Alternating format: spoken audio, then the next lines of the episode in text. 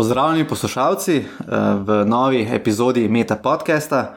Eh, tukaj z vami sem Mišel Cezar, čez mizo pa sedi dr. Janez Zavašnik, doktor nanoznanosti in nanotehnologij.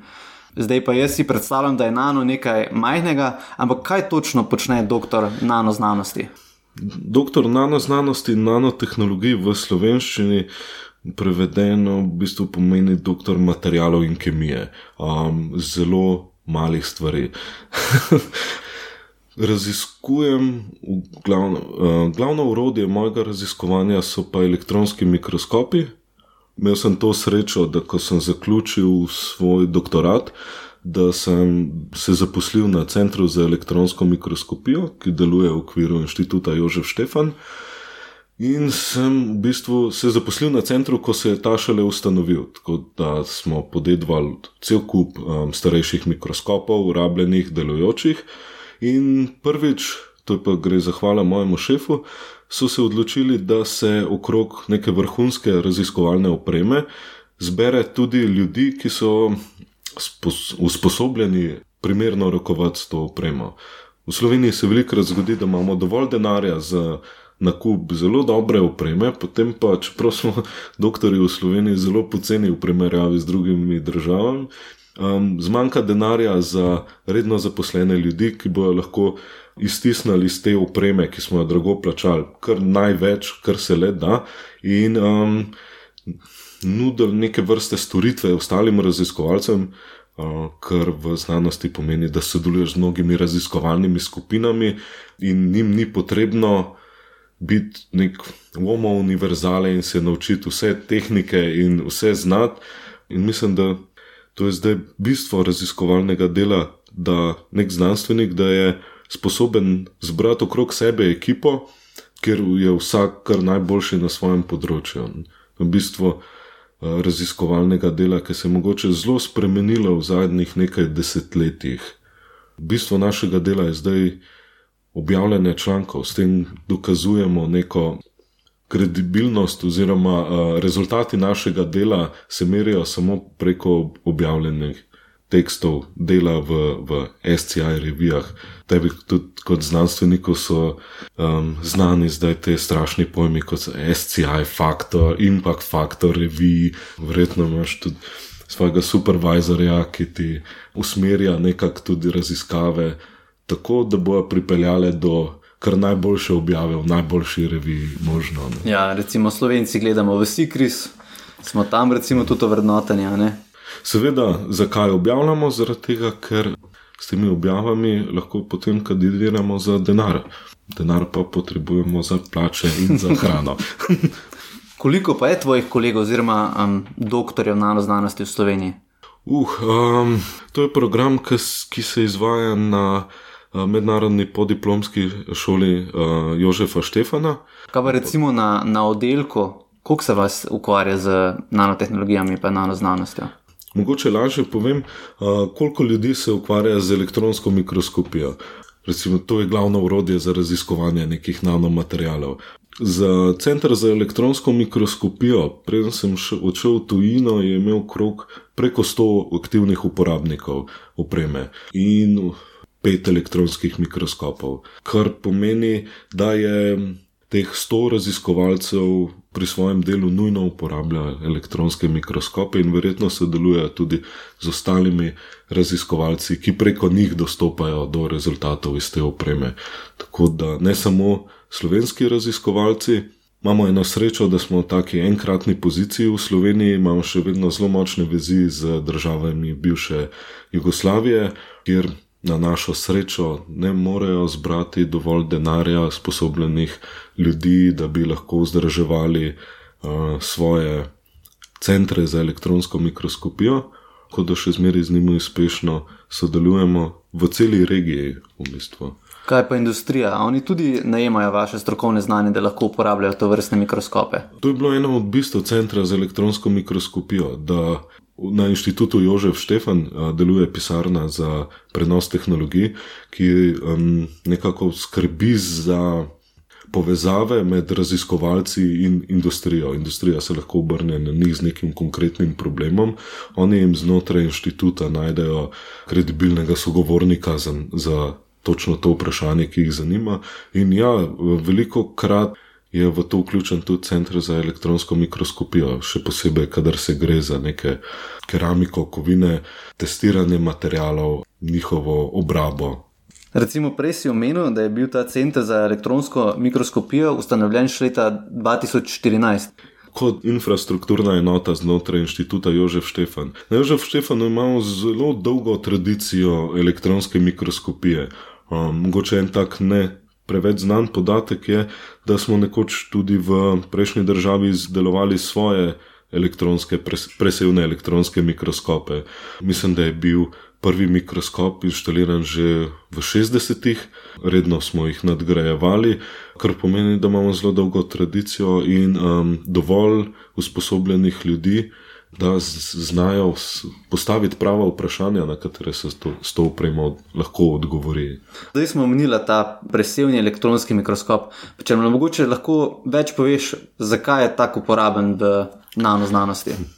Predvsem smo se ljudje odnegdaj trudili ugotoviti, kakšna je struktura materijalov. Zakaj? Zaradi tega, ker vse lastnosti materijalov izhajajo iz njihove strukture, se pravi iz vrst atomov, ki to snov gradijo in kako so med seboj povezani. To so že v 30-ih letih um, začeli z recimo, rentgensko difrakcijo, kjer smo prvič dobili pogled v, v kristalno strukturo nekih trdnih snovi. Hitro smo nadaljevali potem z neutronsko difrakcijo in pa potem še z elektronsko difrakcijo. Zakaj je elektronska difrakcija tako uh, posebna? Zaradi tega, ker lahko skoraj istočasno opazujemo material pri um, atomski ločljivosti in obenem dobimo podatke o tem, kakšna je struktura tega materiala. Zakaj bi sploh stvari opazovali z elektroni? Naše oko je občutljivo nekje na valovne dolžine, tam od um, 400 do 700 nanometrov, odvisno koliko smo stari in uh, kakšna je kondicija naših oči. In resolucija nekega mikroskopa, se pravi zmožnost uh, razločevanja dveh objektov, je pogojena z valovno dolžino svetlobe, ki jo naše oko zazna. Da bi teoretično to pomeni, da lahko s optičnim mikroskopom stvari povečamo tam okrog 1500 krat. Uh, zaradi fizikalnih zakonov ne moremo povečevati več. Če hočemo videti manjše stvari, potem moramo zmanjšati valovno dolžino. In tukaj pridemo v, v območje elektronov imajo tako super lasnost, da so v bistvu nabiti delci, tako da lahko z njimi manipuliramo z elektromagnetnimi lečami, ki upravljajo enako vlogo kot leče za svetlobo, in z eh, regulacijo pospeševalne napetosti lahko spremenjamo tudi njihovo valovno dolžino, kar pomeni, da lahko vidimo z modernimi presevnimi mikroskopi. Opazujemo stvari z resolucijo um, 50 pikometrov pod atomsko resolucijo. Pikometer, kako je to recimo v primerjavi z debelino lasu? Ja. um, Ali pa z nekim takim vsakdanjim, mogoče majhnim predmetom, da si da mogoče ljudje, ki, ki nimajo vseh teh mega piko nano v glavi, da si mogoče lažje predstavljajo, kako majhni so dejansko ti delci. Včasih, ko iščemo recimo defekte v neki kovini, zlitini, keramiki, je, je podobno, kot da bi opazovali užigalico na nogometnem igrišču. Problem elektronske mikroskopije je, da pri tako ogromnih povečavah v resnici gledamo le majhen del materijala. Te klasični knjigi Williamson Carter o presevni elektronski mikroskopiji bil pred leti objavljen podatek, da so vsi znanstveniki z vsemi presevnimi elektronskimi mikroskopi do zdaj preiskali nekaj kubičnih centimetrov snovi. Ja, tako majhne so in z njimi delamo že zelo dolgo časa. Kot sem pa prej omenil, vse lasnosti snovi, mehanske, um, optične, uh, električne, magnetne, izhajajo iz tega, so, kakšni atomi jo gradijo in kako so ti atomi povezani. Zaradi tega je tako pomembno, da, da imamo metodo, da lahko te atome opazujemo. Zakaj si uporabljal to tehnologijo? Jaz sem bil pred mnogimi leti geolog. Zakaj sem se odločil za študij geologije? Ker sem bil odnegdaj fasciniran nad kristali, nad geologijo, ker me je um, privlačila narava in so me fascinirali te perfektno urejeni kristali, ki jih lahko izkoplješ samo v naravi. Tu se je nadaljevalo čez srednjo šolo in logična odločitev je bil študij geologije, zaradi samega pomembnega predmeta kristalografija. Po študiju geologije mi je takratni mentor ponudil priložnost, da upravljam doktorat pri njemu na temo železovih sulfidov. Najbolj popularni železov sulfid je seveda pirit in ostali železovi monosulfidi. Že moja diploma je bila v nekem manjšem nahajališču Pirita, tukaj nad Katarino nad Ljubljano. To je to, kar slišimo pri vremenski napovedi Ljubljana, megla, Katarina nad Ljubljano, sonce, zelo blizu mojega domačega kraja. Tako da sem v bistvu moj doktorat nadaljeval, uh, za doktorat sem nadaljeval raziskave iz diplome, čeprav iz geologije na nekem nanomaterialnem področju kjer sem v bistvu gledal uh, defekte in uh, dvojčenje fazne transformacije v tem železo-žveplo sistemu. In osnovno urodje sem se prvič srečal z presevno elektronsko mikroskopijo, ker je bilo to glavno urodje pri mojem uh, doktoratu, V tistem obdobju se je ta neugodna situacija zgodila z ZUIF-om in a, ostalimi strašnimi predpisi, kjer smo verjetno izgubili celo generacijo mladih doktorjev znanosti. V Sloveniji je taka zoprna lasnost, da a, doktorant izgubi pogodbo o zaposlitvi, ko doktorira. Jaz sem imel to srečo, da so me zaposlili na centru za elektronsko mikroskopijo, ampak veliko mojih kolegov je bilo takrat prisiljeno ali oditi v industrijo, kar ni slabo samo po sebi, še več jih je pa odšlo v tujino, nekateri tudi za stalno. Podjetja v industriji, ki se ukvarjajo s to vrstnimi zadevami. A vedno manj jih je. Druga stvar naše politike, ki verjetno bolj vpliva na znanost in znanstvenike, kot kar so si ali politiki ali raziskovalci pripravljeni priznati. Sama podjetja so več ali manj postala zdaj podružnice velikih koncernov, seveda z zamenjavo države smo velike tovarne razprodali, resnega razvoja, niti bazičnega resnega razvoja uh, nimamo več. V glavnem se pa zdaj ukvarjamo pri industriji uh, z zelo konkretnimi problemi. Kar je po eni strani prav, ker inštitut ni nadomestek za razvojni oddelek neke industrije, ampak a, lahko pa seveda z njimi sodelujemo. Kaj si mogel pa sam kot raziskovalec se naučiti, da si lahko uporabljal ta presevni elektronski mikroskop? Kot, kot geolog si mogel veliko recimo, vložiti v ne vem, neko poznavanje.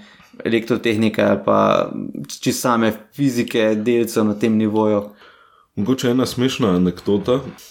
V osnovni šoli smo zbirali star papir v polkoliških blokih in hišah, in med drugim sem v šestem razredu tovoril v ta velik kontejner. Tudi očitno je nekdo umrl in je presopraznili njegovo knjižnico, in od tega sem obdržal dve knjigi.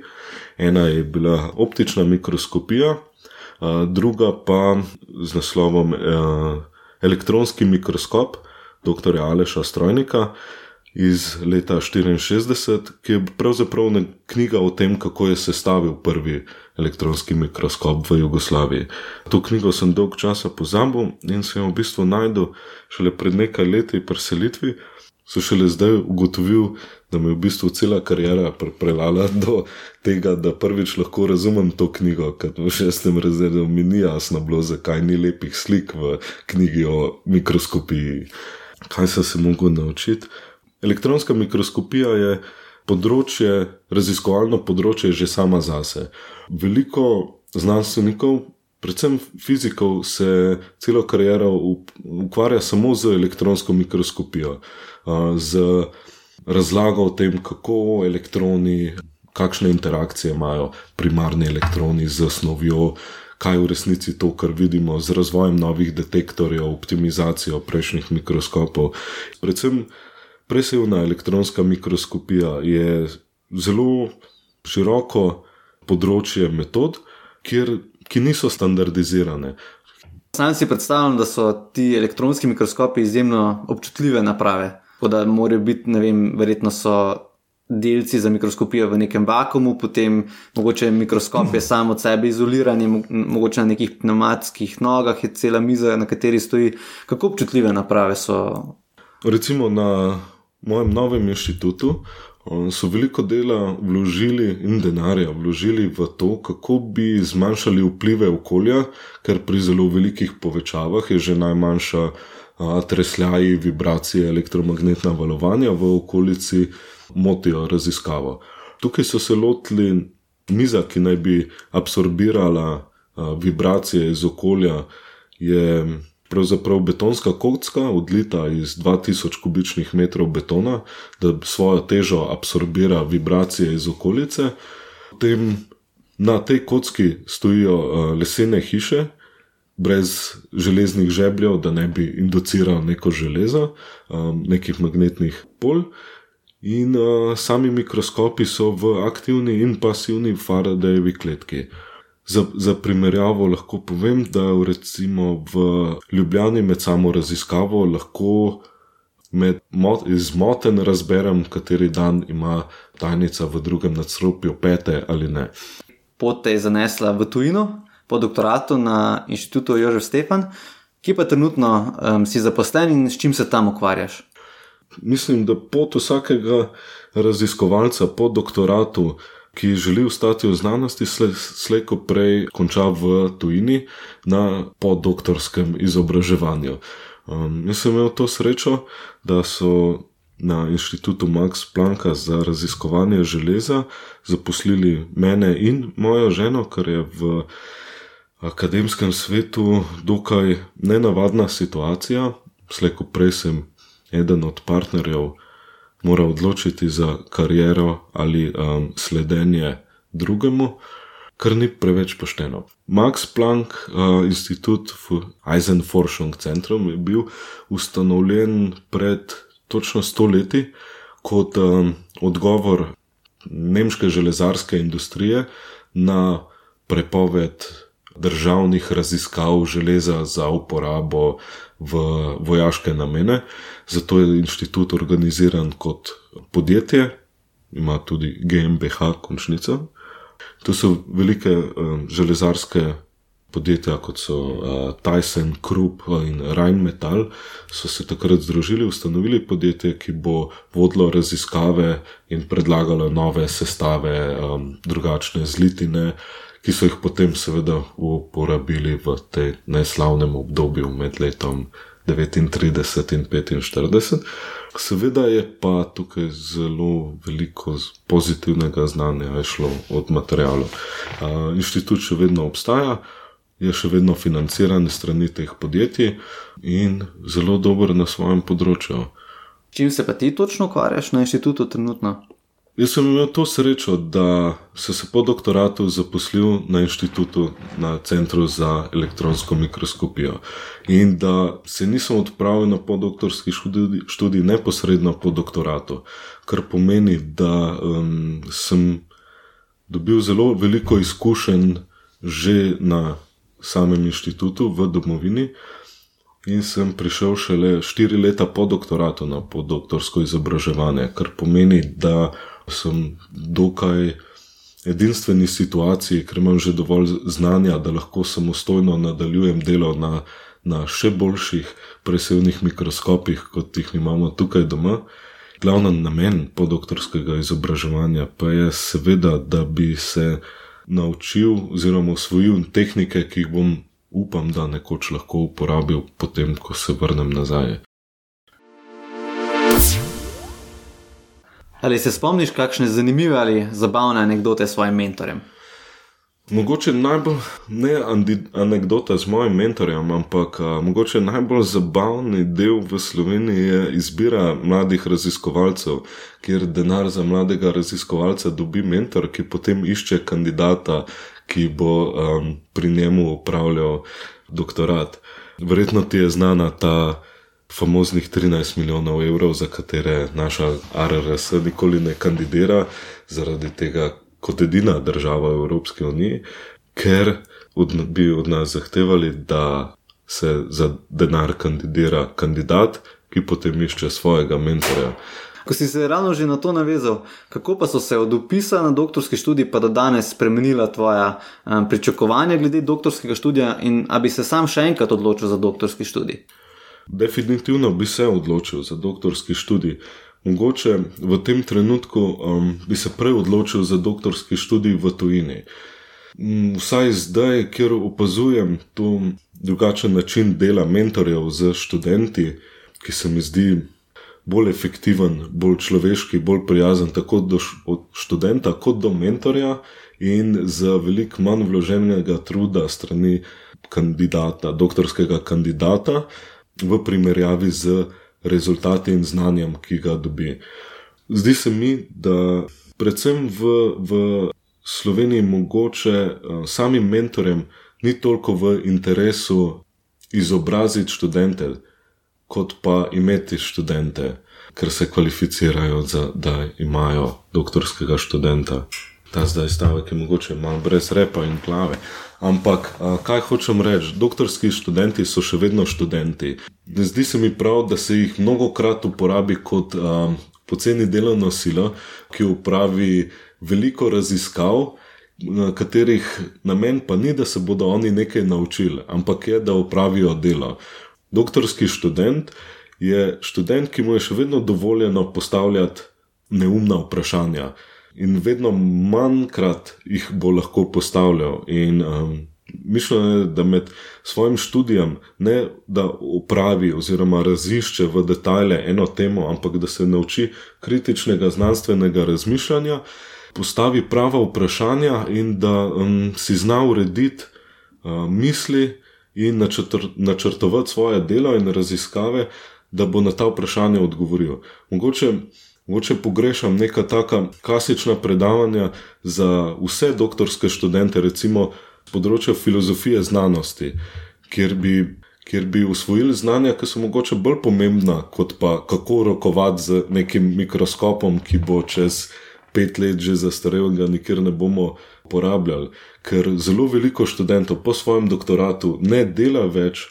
Ali na istem področju, ali na istem materialu, ali na istih raziskavah. In če bi jim lahko damo neko idejo oziroma znanje o kritičnem razmišljanju, o izražanju in um, da bi jim povedali. Konec koncev tudi o davkih, ki jih je treba plačevati, mislim, da bi bilo to veliko bolj koristno. Ne kot dodatna naloga, ki jim damo zraven, da se jo naučijo, ampak da mogoče malo prilagodimo sam proces izobraževanja. Kaj pa, če bi imel priliko iti na kavo s predsednikom vlade, recimo, se lahko lepo navežem na to vprašanje, kaj bi mu predlagal naj izboljša pa spremeni na področju znanosti? Uh, mogoče predvsem način financiranja znanstvenikov. Osebno se mi zdi, da politika veliko bolj usmerja znanost, kot smo si pripravljeni priznati. Seveda s tem, ker financira nekatera področja obilno, nekatera področja pa ne.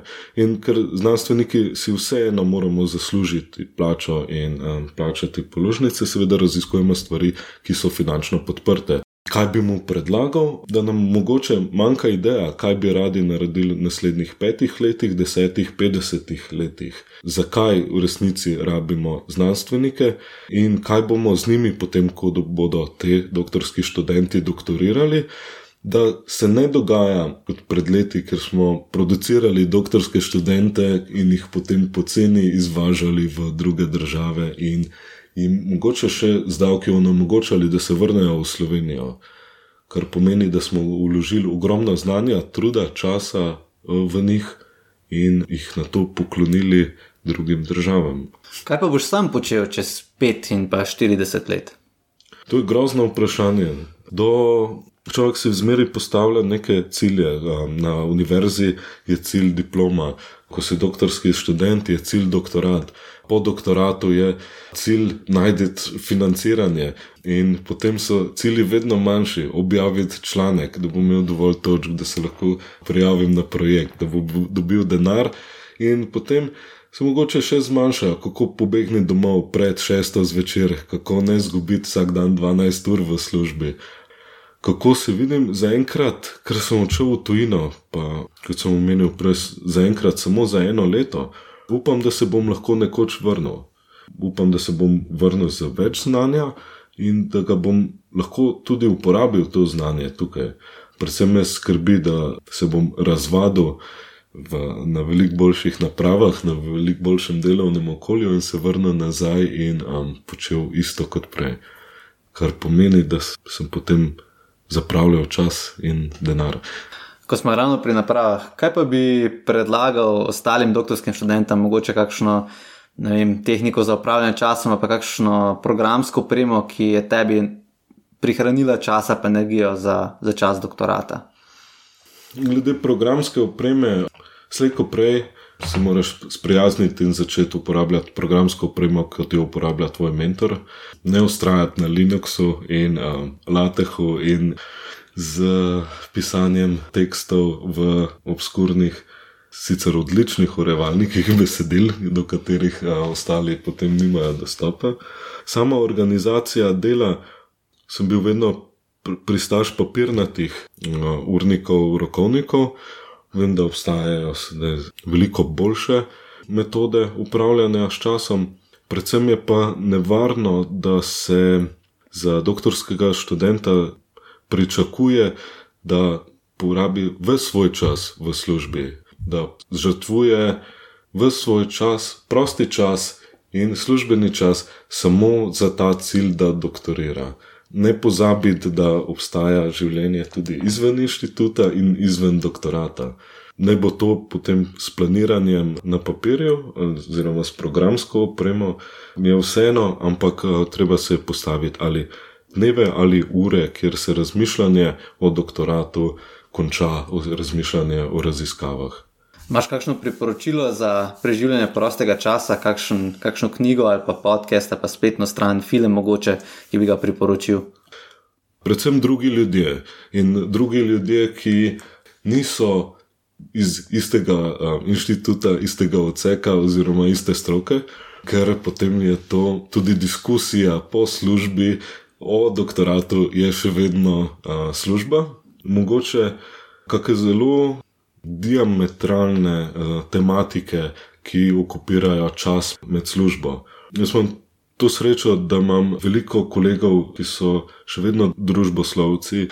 Recimo, znanost na cesti je en tak super projekt, kjer poskušamo približati uh, znanost in znanstvene dosežke širšemu občinstvu. To je eden od težav, ki doktorskih študentov nihče ne pojasni, kako jo reševati. Kako povedati, kako pojasniti svoje raziskave nekomu, ki jih ne uporablja takih raziskav. Zakaj je potrebno pojasniti te? Zakaj je potrebno znati pojasniti svoje delo in pomembnost svojega dela?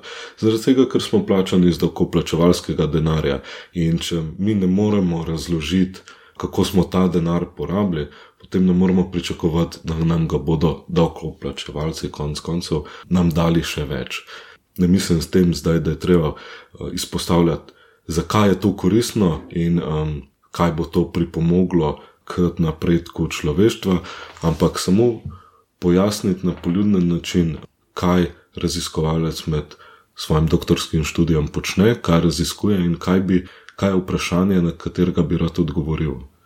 V prostem času, nekaj si razmišljati o doktoratu, imaš možnost iti na večerjo za komorkoli, brez omejitev koga bi povabil na večerjo? Lahko je mrtva, živa oseba. Kot sem prej omenil to anekdoto o knjigi o elektronski mikroskopiji. Žal sem za nekaj let zamudil dr. Aleša Strojnika, ker bi se recimo rad dobil z njim. Na srečo smo še najdel njegovo hčerko, ki se seveda tudi ukvarja z elektronsko transmisijo, trenutno v Arizoni in je bila iskreno navdušena nad tem, da se nekdo zanima za njenega očeta. Mislim, da trenutno smo razmišljali, da bi v sodelovanju s Tehničnim muzejem v Bistri pripravili razstavo o njenem očetu, ampak je tudi njena zgodba fascinantna, tako da bo zdaj v bistvu raziska, razstava o njej v povezavi z njenim očetom. Tako da v bistvu vsaj en del njega smo vseeno lahko šli na večerjo, pa na kavo. Janes, najlepša hvala. Ja. Hvala tudi tebi. Poslušali ste Meta podcast. To je oddaja, v kateri se pogovarjamo z mladimi znanstveniki in znanstvenicami z različnih področji znanosti. Podcast domuje na spletišču metinalista.si, kjer najdete tudi druge zanimive znanstvene vsebine. Naše delo lahko podprete z donacijo Metini listi.